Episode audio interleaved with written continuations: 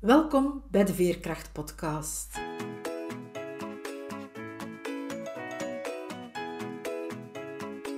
Ik ben Veerle Schaltien, levensverhalen en schrijfcoach. Met mijn bedrijf Wiebelwoorden trek ik voluit de kaart van veerkracht. Voor deze podcastreeks interview ik veerkrachtige vrouwen. Het zijn vrouwen zoals jij en ik, die soms wel eens het hoofd laten hangen maar die er vooral telkens opnieuw in slagen weer overeind te krabbelen, die telkens opnieuw de moed hebben om door te gaan, die ondanks alles ten volle in het leven staan en elke dag waardevol weten te maken. Hoe ze dat doen, vertellen ze je heel openhartig. Luister, snoep van hun woorden en laat je inspireren door hun verhalen, want als zij het kunnen, kan jij het ook. Het volgende interview werd eind vorig schooljaar opgenomen omdat het deels over thuisonderwijs gaat, vond ik het interessant het pas nu online te zetten bij het begin van dit nieuwe schooljaar. We hebben het gesprek via Zoom opgenomen en hadden dus internet nodig. Helaas was het internet ons niet de hele tijd even gunstig gezind. Daarom wil ik me nu al excuseren voor de slechte geluidskwaliteit. Ik wens je toch veel plezier toe met het beluisteren van Carolines verhaal. Dag Caroline, welkom. Dag Veerle. Ik ben eigenlijk helemaal geen caféganger, maar toch heb ik jou op café leren kennen. Ja, dat was grappig. En om heel eerlijk te zijn, eh, mij vind je ook nooit op café. En toch zijn we elkaar inderdaad op café en dan nog een tof café tegengekomen. Dat is toch wel leuk. Ja, hè? dat is dat het echt zo moest zijn. Het was tijdens een kleine netwerkbijeenkomst trouwens. Kan jij jezelf eens voorstellen? Ik ben Caroline, zotgeval, mama van twee, wederhelft van één. En ik hou ervan om mensen, ondernemers, maakt niet uit wie, te helpen om alles zo eenvoudig mogelijk te doen op een manier dat het voor hen ook echt werkt. Het heeft alles te maken met mijn persoonlijk parcours en dus ook mijn professioneel parcours. Maar ik vind het vooral fijn om mensen te helpen om terug dichter bij wie dat ze zelf zijn te geraken. En alle ballast die niet nodig is, gewoon overboord te gooien. Zeker als het over ondernemen gaat, want dan heb je geen overschot. Ja, ondernemers vaak zijn die in de stress en veel mensen beginnen zelf te ondernemen om meer tijd voor zichzelf te hebben en te doen wat ze graag doen. Maar als het dan zover is, kan daar ook van meespreken, dan is dat één stress, want dit moet nog en dat moet nog. En dan kan jij een oplossing bieden. Hè? Ja, mensen gaan inderdaad heel vaak ondernemen vanuit die intentie. Alleen vergeten ze dat als je begint te ondernemen, dan valt alles op uw schouders. Want er is ook maar één persoon die kan trekken en dat zijt je zelf. Um, er is niemand eh, die over uw schouder meekijkt en een aantal zaken bij u kan weghalen. Nu, ondernemen is ook iets wat we niet leren op school. Je hebt wel richtingen waarin dat je het een en ander kunt leren, dat je kunt gebruiken als je ondernemer bent. Maar laten we eerlijk zijn, echt ondernemen, ondernemen, dat is niet iets wat echt al in onze genen zit en waar dat onze kinderen mee grootgebracht worden. En dan gaan mensen uiteraard op zoek naar informatie, gaan ze trainingen volgen, gaan ze allerhande zaken gaan opzoeken. En er is heel veel te vinden, alleen is dat, ja, ik noem het zo'n beetje de Vlaamse coterie waarbij dat je iets hebt wat dat je moet hebben en dan vindt iemand dat je daar nog iets moet bij hebben en dan krijg je binnen de kortste keren een huis met 15 bijkamertjes. Als je ervoor wilt zorgen dat je huis echt werkt voor u of je onderneming voor u werkt, ja, dan gaan die 15 kleine kamertjes gewoon in elkaar kloppen en ervoor zorgen dat je een bouw hebt die dat echt marcheert voor u. En uh, dus vanuit die ingesteldheid, vanuit het echt ondernemen zelf, hè, gaan kijken naar de essentie van wat heb ik nu echt nodig in mijn onderneming om mensen te kunnen verder helpen. Want daar draait het voor mij toch nog altijd om. En dat je mensen kunt gaan betoveren met je zoon of genius, met geen waar jij goed in bent, waar dat niemand anders die bezielingen heeft als jij. Ja, daardoor heb je uiteindelijk niet veel nodig. En je kunt daar heel veel tools en dergelijke op afgooien en theorieën en moeilijke funnels en technieken tegengooien om meer mensen te gaan converteren. Maar uiteindelijk, als we echt gaan kijken naar die basis van de basis, draait het om wie ben ik, wat geef ik mijn klanten en wat is de boodschap dat ik die mensen kan meebrengen. En dat kan echt op een veel leukere, eenvoudigere manier. En dat vind ik heel fijn om de mensen terug naar die essentie te brengen. Ja, en zeker dat het weer leuk en plezierig mag zijn. Hè? Ja, er zit te weinig plezier in te ondernemen, hè, Veerle? Ja, in het ondernemen, maar eigenlijk, hetgeen dat jij vertelt, gaat eigenlijk voor alle mensen op. Hè. Ook als je geen ondernemer bent, is het ook fijn dat je weet eh, wat jouw essentie is en dat je daar vooral mee bezig bent, dat je ook plezier hebt in het leven. Hè? Absoluut. En uh, het, grappige is dat ik eigenlijk via loopbaanbegeleiding naar de ondernemers ben overgeschakeld. Want of dat dan nu gaat over je job, maar eigenlijk ook gewoon thuis, in de manier waarop dat je samenleeft en zo. Het draait er toch maar gewoon om dat je ervoor zorgt dat je een omgeving maakt. Hè? Want ik geloof daarin dat we allemaal verantwoordelijk zijn zelf voor onze onder, allee, omgeving waarin dat we wonen, werken, leven, noem maar op. Um, dat je die maakt zodat dat voor u werkt. En niet volgens de regeltjes, geschreven en ongeschreven, omdat het zo hoort. Wij zijn op dat vlak ook geen traditioneel gezin. Dat, mijn man wist het al nog voordat wij een koppel waren. Voor mij niet het standaard huisje, tuintje, boompje, tv-kastje, dergelijke. We gaan op zoek naar een manier waarop dat het werkt. En bij ons wil dat zeggen dat er regelmatig dingen veranderen, omdat ook de realiteit verandert. En gekke dingen. Hè. Zomertijd is voor ons een heel andere routine in huis dan wintertijd. Om de eenvoudige reden. In wintertijd is er minder licht en dus spendeer ik meer tijd in mijn zetel met mijn deegje over mij dan in de zomer. Dan is er veel licht en dan kun je mij tot 8, 9 uur of later zelfs buiten terugvinden met een boekje om te lezen of een glas wijn met mijn man erbij voor een uh, babbelje te gaan doen. Maar dat maakt het ook zo leuk, want er is geen vast stramien dat moet. En we kijken voortdurend naar wat werkt voor ons vier. Eh, in ons gezin en wij passen ons daarop aan. En ik denk dat mensen dat wel wat meer mogen doen om ervoor te zorgen dat het marcheert voor hun. Je vertelde daar straks al dat hetgene dat je doet, dat je dat gaan doen bent dankzij of omwille van hoe dat jouw leven gelopen is. Dat klopt inderdaad. En heel veel mensen vinden het een boehoe, och maar een god verhaal. Ik zie dat zelf helemaal zo niet. Ik heb dat toebedeeld gekregen omdat ik daar dingen uit mocht leren. En toen ik acht jaar was, uh, is bij ons thuis de situatie drastisch veranderd toen mijn mama diagnose van MS heeft gekregen en daar ook vrij snel heel erg ziek is geworden. Mijn papa kon dat zelf niet aan en is vrij snel daarna ook zelf zwaar ziek geworden.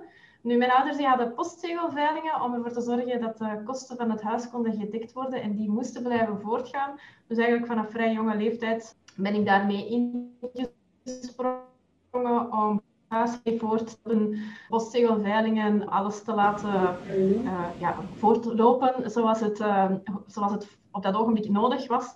Ja, eigenlijk is dat ook zo voor de rest van mijn leven zo gebleven. En vandaag ben ik gezegend met een huishouden dat ook meer ja, zal ik het zeggen, ondersteuning vraagt van de mama dan van de kinderen, dan, dan standaard, zal ik zeggen.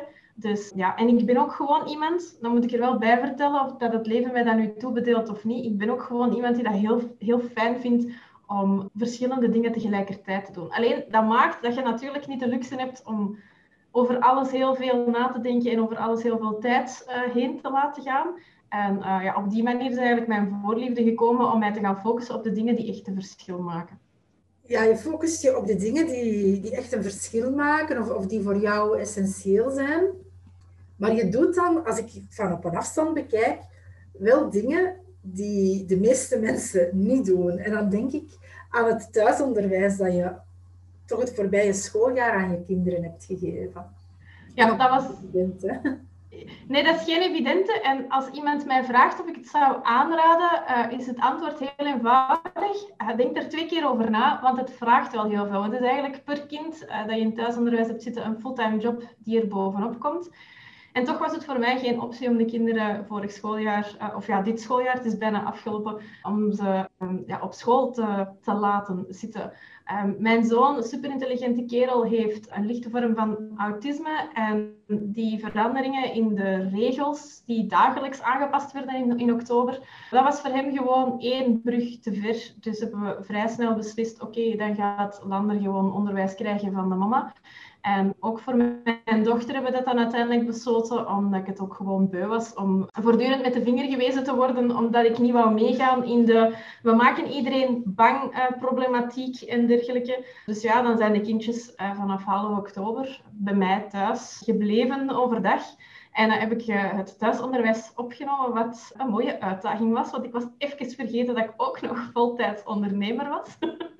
was zo'n klein, klein detailje. En ja, het is nu bijna af. En ik zal wel blij zijn als we jullie zijn, dat het zo even zo uh, rust kan geven. Daar kan ik me best indenken. Want zoals je zegt, ja, je hebt dan je ondernemersjob, wat een voltijds job is. En dan daarnaast twee keer leerkracht zijn. Dus dat zijn drie jobs die je ondertussen aan het combineren bent. Ik weet dan dat jullie ook nog jullie huis verkocht hebben. en uh, ja, een nieuw huis gekocht. Ik vraag me dan af van hoe blijf je overeind? Daar moet toch enorm veel veerkracht voor nodig zijn. Als je geen veerkracht hebt, raad ik het niet aan om ondernemer te worden of thuisonderwijs te gaan doen. Laat staan de combinatie van die twee. Want je wordt voortdurend geconfronteerd met het feit dat je eigenlijk te weinig tijd hebt. En ik ben een meester in het organiseren van mijn agenda en zo weinig mogelijk tijd gebruiken om zoveel mogelijk impact te gaan doen met de zaken die ik dan uiteindelijk wel doe. En toch ben ik daar zelf heel hard in uitgedaagd geweest de, de afgelopen maanden.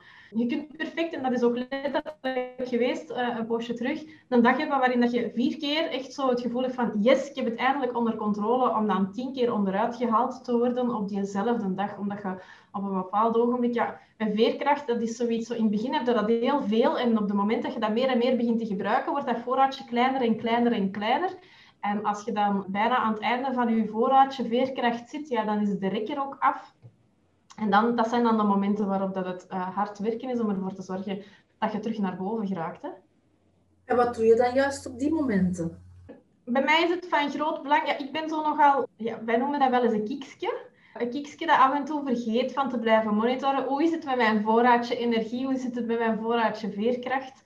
Bij mij is het van cruciaal belang als ik daar, dat dan toch door heb. Want ik heb zo voor mezelf zo een, uh, een lijstje. En dat staat ook echt op papier van signalen waar ik op mag letten. Als die voorkomen, dan is het onmiddellijk tijd om actie te ondernemen.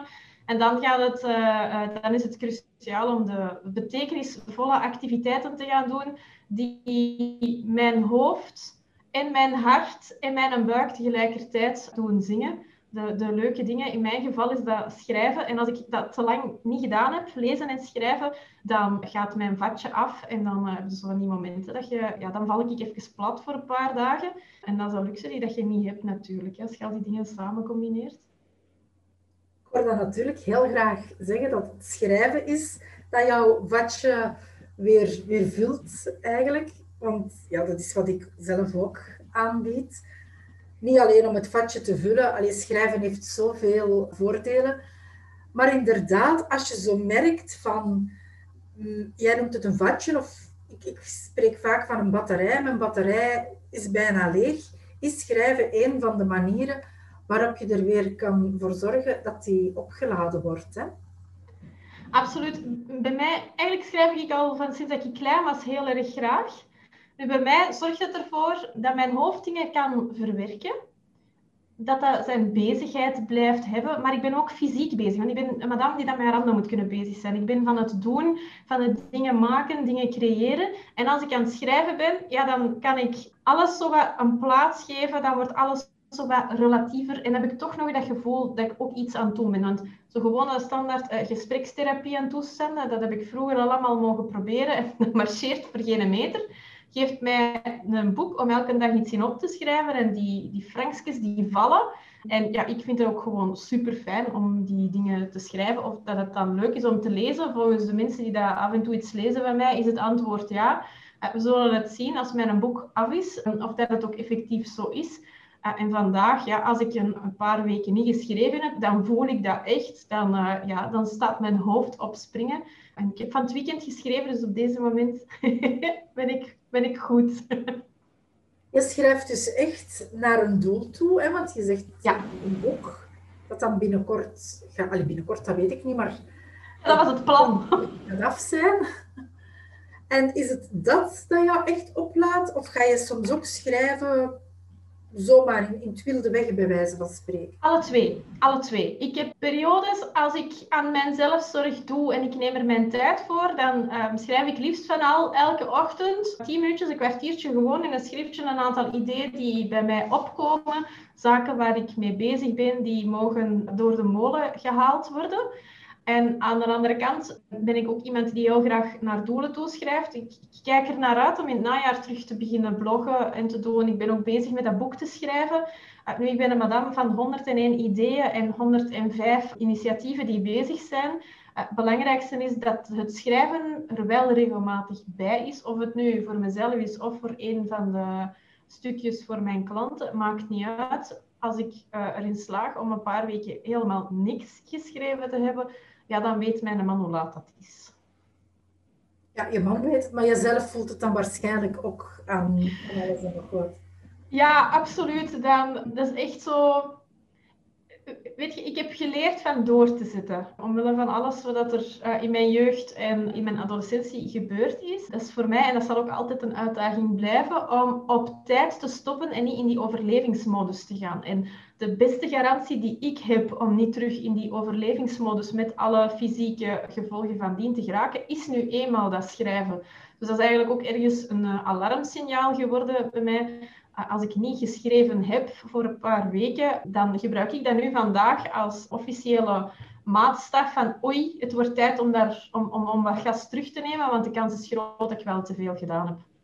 Je combineert heel, heel veel. We hebben daarnet eventjes het thuisonderwijs aangehaald. Misschien kunnen we daar eens een beetje dieper op inzoomen van hoe je dat aangepakt hebt bij mij, zoals alles wat ik vastpak, is het eerst en vooral belangrijk om een kader te hebben. Gewoon even thuisonderwijs bij alles wat ik allemaal al deed erbij krijgen, dat was geen optie. Dus ik ben eerst en vooral gaan zorgen dat er een, kader is, een framework, waarin dat alles en iedereen hier in huis ook heel duidelijk weet wat kan er verwacht worden, wat kan er niet verwacht worden, wanneer doen we welke activiteiten ik uh, had een volle agenda met coachings met klanten. Ja, die kunnen ook niet zomaar even zeggen, ah, vanaf volgende week zijn die er helemaal niet.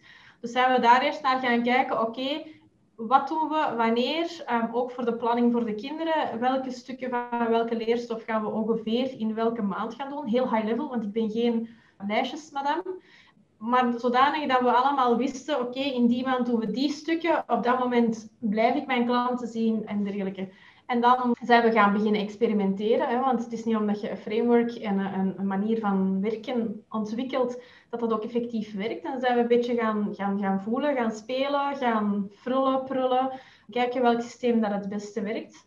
En dan ja, is het bij mij een kwestie geweest van ja, mijn agenda mooi op te delen. Hè. Er zijn vaste momenten waarop dat ik met de kinderen bezig ben. Er zijn vaste momenten waarop dat ik met mijn klanten bezig ben. Er zijn vaste momenten waarop dat ik voor mezelf ook eens bezig ben, hè, links en rechts een beetje misgelopen met de verkoop van het huis. Dan heb ik daar een beetje van die tijd van mogen gebruiken om dat in orde te brengen. Maar we zijn ervoor gaan zorgen dat er, zal ik het zeggen, ja, een soort van containertje voor elk van de activiteiten die horen te gebeuren, dat dat er is. En dan gingen we gewoon week aan week kijken, oké, wat vullen we in die container in voor deze week? En als je er zo op terugkijkt, kan je het een succeservaring noemen? Absoluut. Op heel veel op heel veel lagen. Ik heb mijn kinderen beter leren kennen. Dat is heel grappig. Ik dacht dat ik mijn kinderen kende. Het is alleen met dat thuisonderwijs te gaan doen dat ik mijn kinderen echt ben gaan leren kennen. Waar zitten hun, hun, hun angsten? Waar zijn ze sterk in? Waarin kunnen ze wat ondersteuning uh, gebruiken? En dat heeft mij als mama ook heel veel veranderd in die zin dat ik nog veel meer dan vroeger ben gaan kijken naar wat vind ik belangrijk dat ze mee hebben en wat niet. Ik ga daar heel eerlijk in zijn. Uh, voor de les godsdienst, wij volgen een methode, hè, omdat dat net een stap te ver was om alles zelf te gaan verzinnen. Wij volgen een methode voor godsdienst bijvoorbeeld. Ik durf u zeggen dat ik drie vierde van die boek gewoon geschrapt heb en gewoon gezegd heb, dat moeten niet weten, dat moeten wel weten. En we gaan op die manier gaan bekijken, gewoon omdat niet alles van groot belang is voor de rest van, van jouw leven. Nu, aan de andere kant heeft het er ook voor gezorgd dat ik mij meer en meer ben kunnen gaan focussen op mijn essentie in mijn onderneming zelf. Ik dacht al dat ik weinig deed. Dat is nog minder geworden en mijn klanten worden, hebben eigenlijk nog meer uren met mij dan dat ze ooit tevoren hebben gehad. Dus dat is ook wel heel fijn om zo daar nog eens extra zelf in gechallenged geweest te zijn om nog meer naar die essentie te gaan en dan nog veel duidelijker te krijgen wat dat we daar gaan doen. En om heel eerlijk te zijn, het heeft mij ook enorm geholpen om eens over een aantal zaken grondig te gaan nadenken. Hoe, hoe zie ik de wereld? Hoe, hoe, beschouw ik de zaken? En is mijn Frank nog meer gevallen dat ik echt wel nog meer gewoon mijn ding mag doen. Dat ik wel helemaal niks hoef aan te trekken van wat de regeltjes geschreven en ongeschreven mij vragen in de, in de samenleving. Je zei daarnet, ik dacht dat ik al weinig deed. Maar dan, ja, als ik jouw verhaal hoor, dan doe je van alles en nog wat.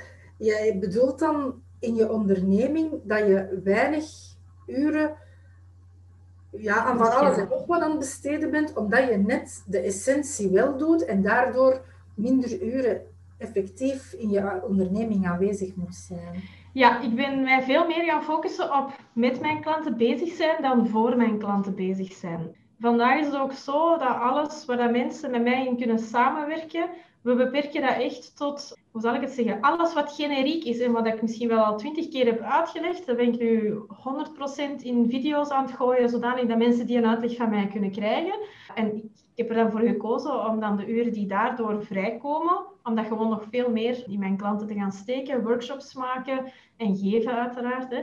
Uh, masterclasses gaan geven. We zijn dan ook de, de community opgestart. Essentie in ondernemen is niet achter uw bureau administratie zitten doen en uw eh, IT-systemen voeden. Essentie van ondernemen is mensen helpen met een probleem en ervoor zorgen dat dat opgelost geraakt.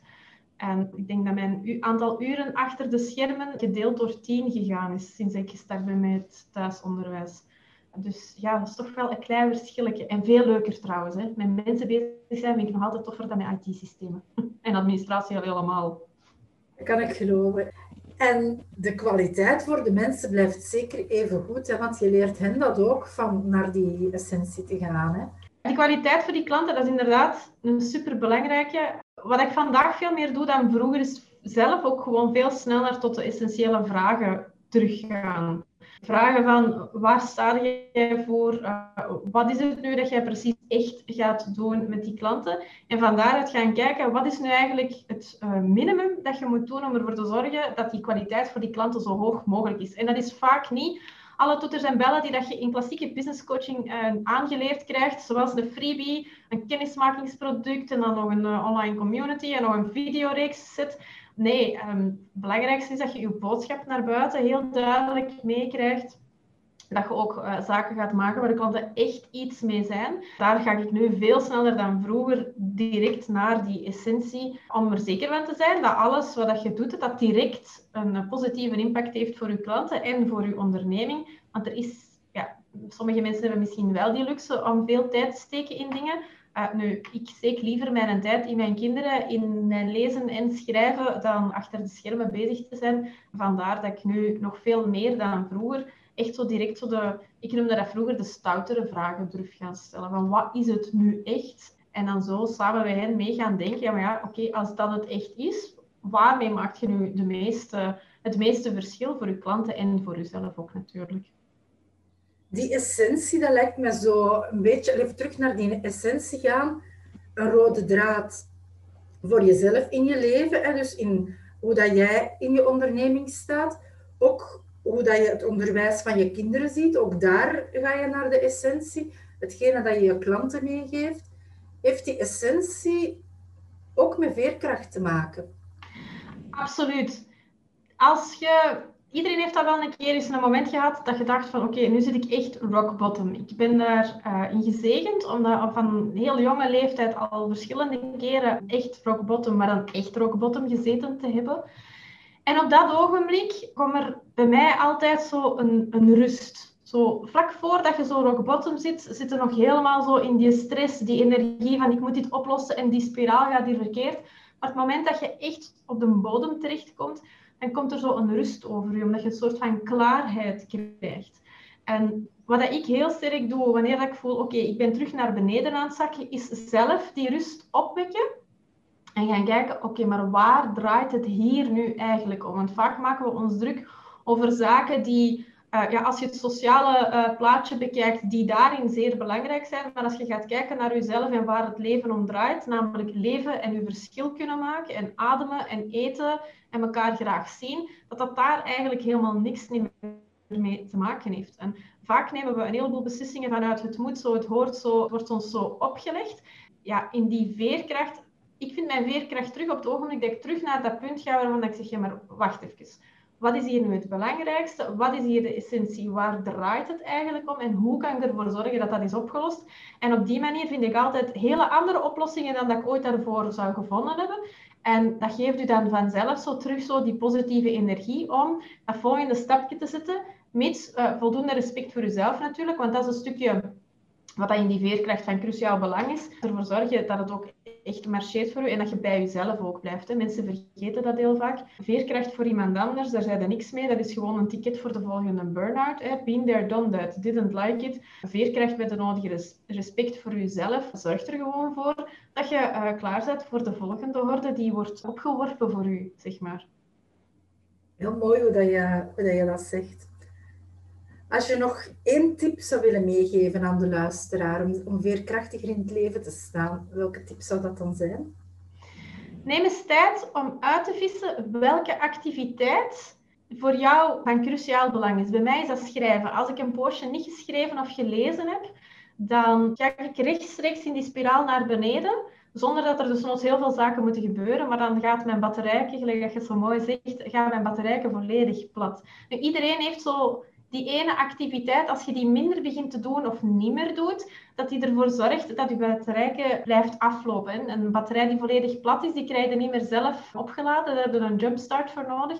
Ga een keer eens op zoek naar die activiteit. En dat is meestal iets klein, iets wat je ook vaak uit je kindertijd kunt gaan halen. En dat ding waar je vrolijk van wordt. Bij mij is dat soms wat, wat, wat, tekenen. Alleen het schrijven en het lezen is iets dat echt bij de rode draad is geweest. En ik wens dat iedereen toe om die ene activiteit te gaan vinden en ervoor te zorgen dat je dat minstens één keer in de week echt ook minstens 10 minuten tijd voor kunt maken om ervoor te zorgen dat je die veerkracht terug in de, in de juiste richting krijgt. Want als de rek eraf is, dan is het moeilijk om terug te, te gaan naar de, de hogere regionen hè, waar het leuker is. En door die activiteit te vinden voor jezelf, gaat je ervoor zorgen dat je rekker veel veerkrachtiger blijft en dat je niet blijft hangen beneden, bij wijze van spreken. Ja, want het is inderdaad wel eigen aan veerkracht dat je soms ook zo beneden zit. Maar dan moet je iets vinden van weer terug naar boven ja. gaan. Hè. Ja, inderdaad. Die, die activiteit is voor mij meer om ervoor te zorgen dat de werker rekbaar blijft. Uh, als je echt op de bodem zit, ja, dan is het weer teruggaan naar de essentie. van wat is er nu belangrijk en hoe kan ik dat bereiken op een andere manier dan dat ik het tot nu toe heb gezien. Ik geloof er ook in dat iedereen zo een activiteit wel, wel heeft. En zoals je zegt, van, maak daar misschien maar tien minuutjes tijd voor. Het hoeft niet altijd lang te zijn. Hè? dat je daar tijd aan besteedt. Want soms denken mensen van, ik heb daar gewoon geen tijd voor om zoiets voor mezelf te gaan doen. Maar al zijn het maar tien minuutjes, dat is een mooi begin om je werk een beetje weer naar de goede richting te, te laten rekken eigenlijk. Hè. Absoluut. En ergens geen tijd voor hebben, dat is eigenlijk een excuus. Dat is gewoon het feit dat je daar geen prioriteit van maakt. Ik heb letterlijk ehm, drie fulltime jobs in mijn huishouden uh, te doen en ondertussen ook nog uh, een verhuis en dergelijke. En toch heb ik er afgelopen weekend tijd voor gevonden om te schrijven. Dus gewoon een kwestie hoe, belangrijk vind ik het om nu die 10 minuten tijd aan mezelf toe te geven, toe, toe te kennen. Dus eigenlijk hebben we voor alles tijd. Het is alleen geen prioriteit en we vinden dat niet simpel om dat toe te geven. Ja, dat vind ik een hele mooie. Jij bent daar wel een voorbeeld van, van dat je uiteindelijk voor alles wat voor jou van belang is, wel tijd hebt. En ja, jij zegt het is een kwestie van prioriteit. Ik durf ook al eens zeggen van het gaat niet om tijd hebben, maar om tijd maken voor dingen. Hè. En als iets prioriteit is, ja, dan ga je die tijd inderdaad maken. Hè. Absoluut. Dank u wel, Caroline, voor deze inspirerende babbel. Oh, dank je veel. Ik vond het kei plezant om te doen. dank je wel. Wens je meer uit je leven te halen? Wegen gebeurtenissen uit het verleden misschien zwaar door? Of kan je je maar weinig herinneren? Wil je ontdekken wie je echt bent en in je eigen kracht staan? Of droom je er misschien al langer van jouw levensverhaal op papier te zetten? In het najaar start er een nieuw jaartraject waarin we schrijven aan ons levensverhaal. Eerst gaan we op zoek naar het verhaal dat in je leeft. Dan stellen we een persoonlijk schrijfplan op en gaan we op zoek naar jouw schrijfstem. We kijken vanuit een ander perspectief naar ons verhaal en ons leven en uiteindelijk komt er ook nog een herschrijffase aan. Uniek aan dit traject is dat je zowel schrijftechnische ondersteuning krijgt, want we werken naar een eindproduct toe, jouw levensverhaal, als dat ik het proces dat je ondertussen doormaakt begeleid. Het schrijven van jouw verhaal is een manier om te groeien. Het zet je op weg naar meer veerkracht. Lijkt dit jou wel wat? Dan kan je via onze website een afstemgesprek inboeken. In dit vrijblijvende gesprek kijken we samen of dit traject voor jou iets kan betekenen. Ik hoor graag van je. Je luisterde naar de Veerkracht-podcast. Hartelijk dank hiervoor. Hopelijk heb je even erg van dit veerkrachtige verhaal genoten als ik. Laat je er zeker door inspireren. Ben je benieuwd naar het volgende interview? Of wil je niks van deze podcastreeks missen? Surf dan naar www.wiebelwoorden.be of abonneer je nu meteen gratis op deze podcast via Spotify of een andere podcast-app. De montage van deze podcast was in handen van Johannes Veremans. Nogmaals dank voor het luisteren en graag tot de volgende aflevering.